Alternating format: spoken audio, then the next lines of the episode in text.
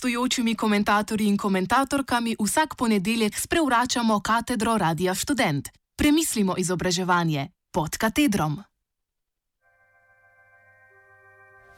Državljanska vzgojna. Predmet državljanska vzgoja prihaja v srednje šole. O tem nas je v odzivu na komentarje udeleženk in udeležencev prvega javnega posveta o prihodnosti slovenskega šolstva že marca obvestil minister Pikalo. Spomnimo.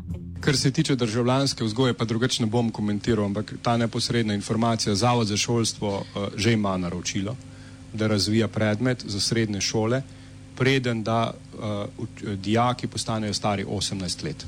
Torej, preden da postanejo polnoletni, da absolvirajo, uh, da dobijo tudi volilno pravico, bodo imeli predmet državljanska vzgoja. Zagotovilo, da predmet prihaja, da je Zavod Republike Slovenije za šolstvo že prejel naročilo za zasnovo takšnega predmeta, je Pikalo podal še nekajkrat v preteklih šestih mesecih in na zadnje dejal, da ga je pričakovati v šolskem letu 2020-2021. Minister skupino strokovnjakin in strokovnjakov meni, da bo predmet zagotovil opomočenje državljanov, da bo vsak do polnoletnosti posedoval osnovna in praktična znanja za udeleževanje v javnih zadevah.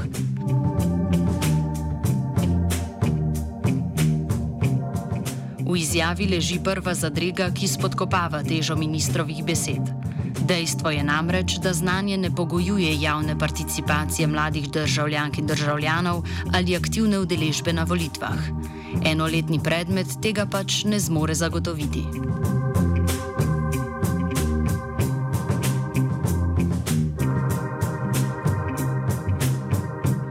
Lahko bi upali, da kvalitetno in trdno podlago za srednješolski predmet sicer zagotavlja osnovnošolski predhodnik, državljanska in domovinska kultura ter etika, pri katerem naj bi otroci prejeli temeljna znanja o posamezniku kot družbenem bitju in o značilnostih človeških skupin, pravilih, ki veljajo v skupnostih, premagovanju predsotkih do drugih in drugačnih, človekovih in otrokovih pravicah, politični ureditvi v Sloveniji in Evropski uniji mednarodnem sodelovanju, ključnih splošnih vprašanjih sveta in poteh za njihovo reševanje v smeri trajnostnega razvoja. Izvaja se v sedmem in osmem razredu in skupaj zauzema 70 ur, torej eno uro na teden, kar je najmanj izmed vseh obveznih predmetov v osnovni šoli.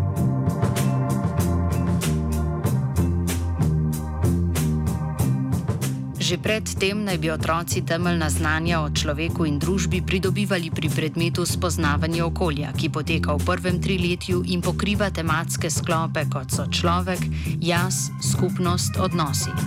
Pri predmetu družba, ki se izvaja v četrtem in petem razredu osnovne šole, osnovnošolke in osnovnošolci obravnavajo vsebinske sklope kot so ljudje v družbi, ljudje v prostoru in ljudje v času. V šestem in devetem razredu primerljivega predmeta ni.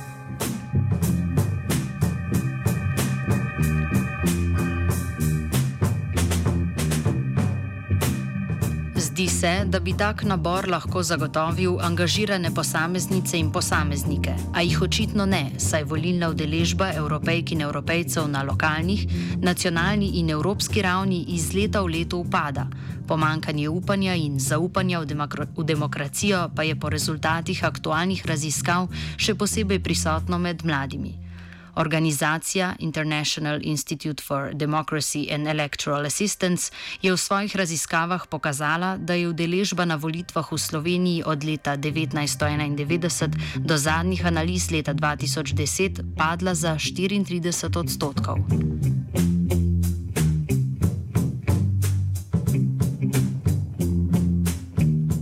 Dr. Marjan Šimenc, sociolog in filozof na Filozofski fakulteti v Ljubljani, predava didaktiko filozofije na Pedagoški fakulteti Univerze v Ljubljani, pa filozofijo in sociologijo vzgoje.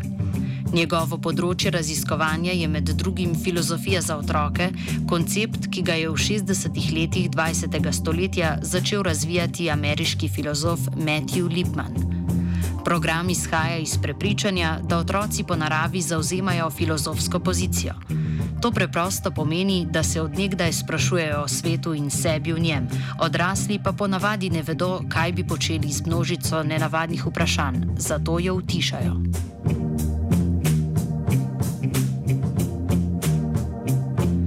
Šimenc v knjigi Didaktika filozofije, ki je išla daljnega leta 2006, predstavi elemente pedagoškega dela, ki otrokom ter kasneje dijakinjam in dijakom ob vodstvu učiteljica ali učitelja pomagajo razviti temeljne spretnosti in dispozicije, ki bodo učencem omogočile dejavno živeti v družbi in lahko prispevajo k večjemu, k večjemu samospoštovanju in intelektualni gotovosti. Če tudi opisuje predmet filozofija, bi lahko precej idej uporabili tudi pri predmetu državljanska vzgoja.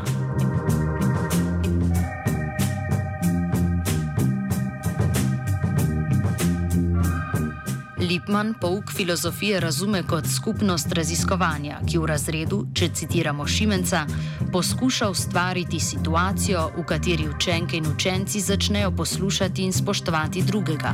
Povezujejo teme, ki jih neposredno osebno zanimajo, da nimo prijateljstvo z bolj splošnimi filozofskimi temami, kakršne so spreminjanje, osebna identiteta in svobodna volja. Otroci začnejo premišljati ter raziskovati prepričanja in vrednote drugih, razvijajo svoje lastne poglede, učijo se jasnosti misli ter odgovornega in premišljenega presojanja, ravnati bolj premišljeno ter pri svojih odločitvah in dejanjih izhajati iz razlogov.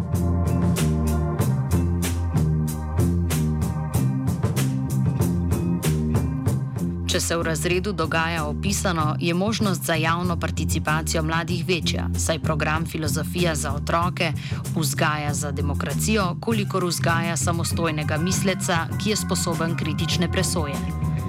Pojmi kot so državni zbor, Evropska unija ali fundamentalizem so brez samorefleksije otroških ali diaških institucij samo še en izmed mnogih pojmov, katerih definicije se mladi pač morajo naučiti in hitro pozabiti.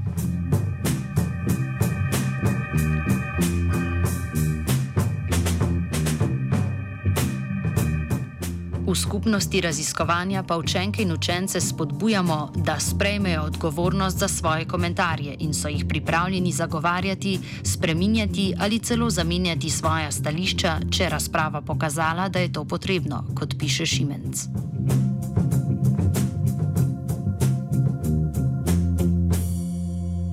Filozofija za otroke, po opisanem sodeč, v središče postavlja otroke, vendar je za ponazoritev razredne skupnosti treba nakazati še vlogo učiteljice ali učitelja, ki ima pomembno nalogo. Kot navaja Šimenc, mora zagotoviti, da kritike nekega stališča niso videti kot kritike zagovornika tega stališča. Saj lahko otroci le v varnem okolju preizkušajo različne zamisli in preverjajo njihove posledice, s tem pa se naučijo navezovati tudi na druge.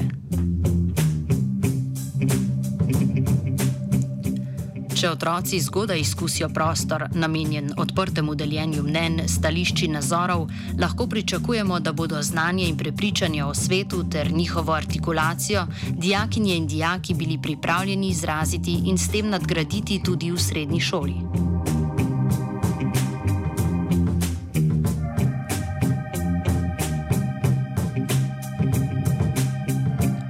Zato predmet državljanska vzgoja v srednji šoli brez sprememb v učnih načrtih za primerljive, za primerljive osnovnošolske predmete, predvsem pa brez sprememb oblike uromenjenih predmetov, kar v prvi vrsti pomeni tudi spremembo delovanja učiteljic in učiteljev, ne more vzgojiti in izobraziti aktivnih, kritičnih državljank in državljanov.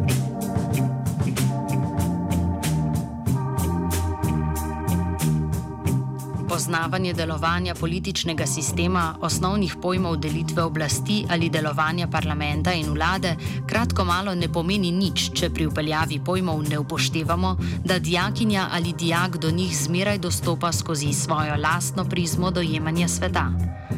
Pogled na svet pa je znotraj skupnosti raziskovanja povezan še z izjavami in mnenji drugih, saj ob deljenju mnen ne razmišlja zgolj izolirani posameznik, temveč celotna skupina, nadaljuje Šimenc.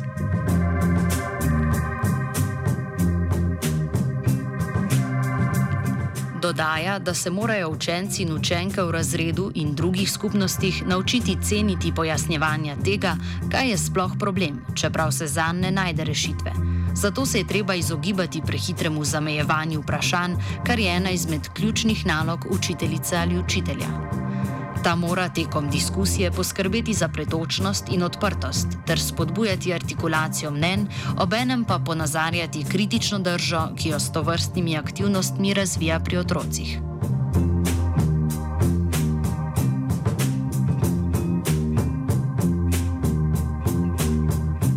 Tako se učenke in učenci učijo navezovati drug na drugega.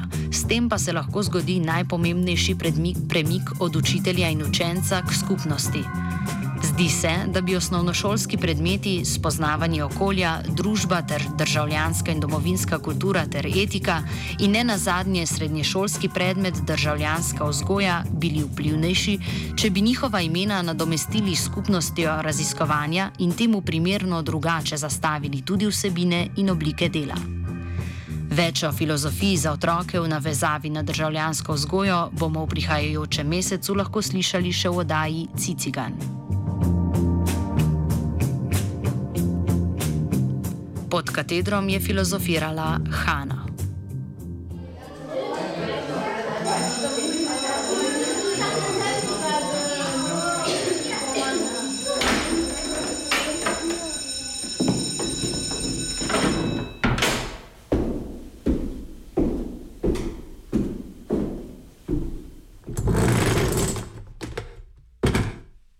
Gostujočimi komentatorji in komentatorkami vsak ponedeljek sprevračamo katedro Radia Student. Premislimo izobraževanje pod katedrom.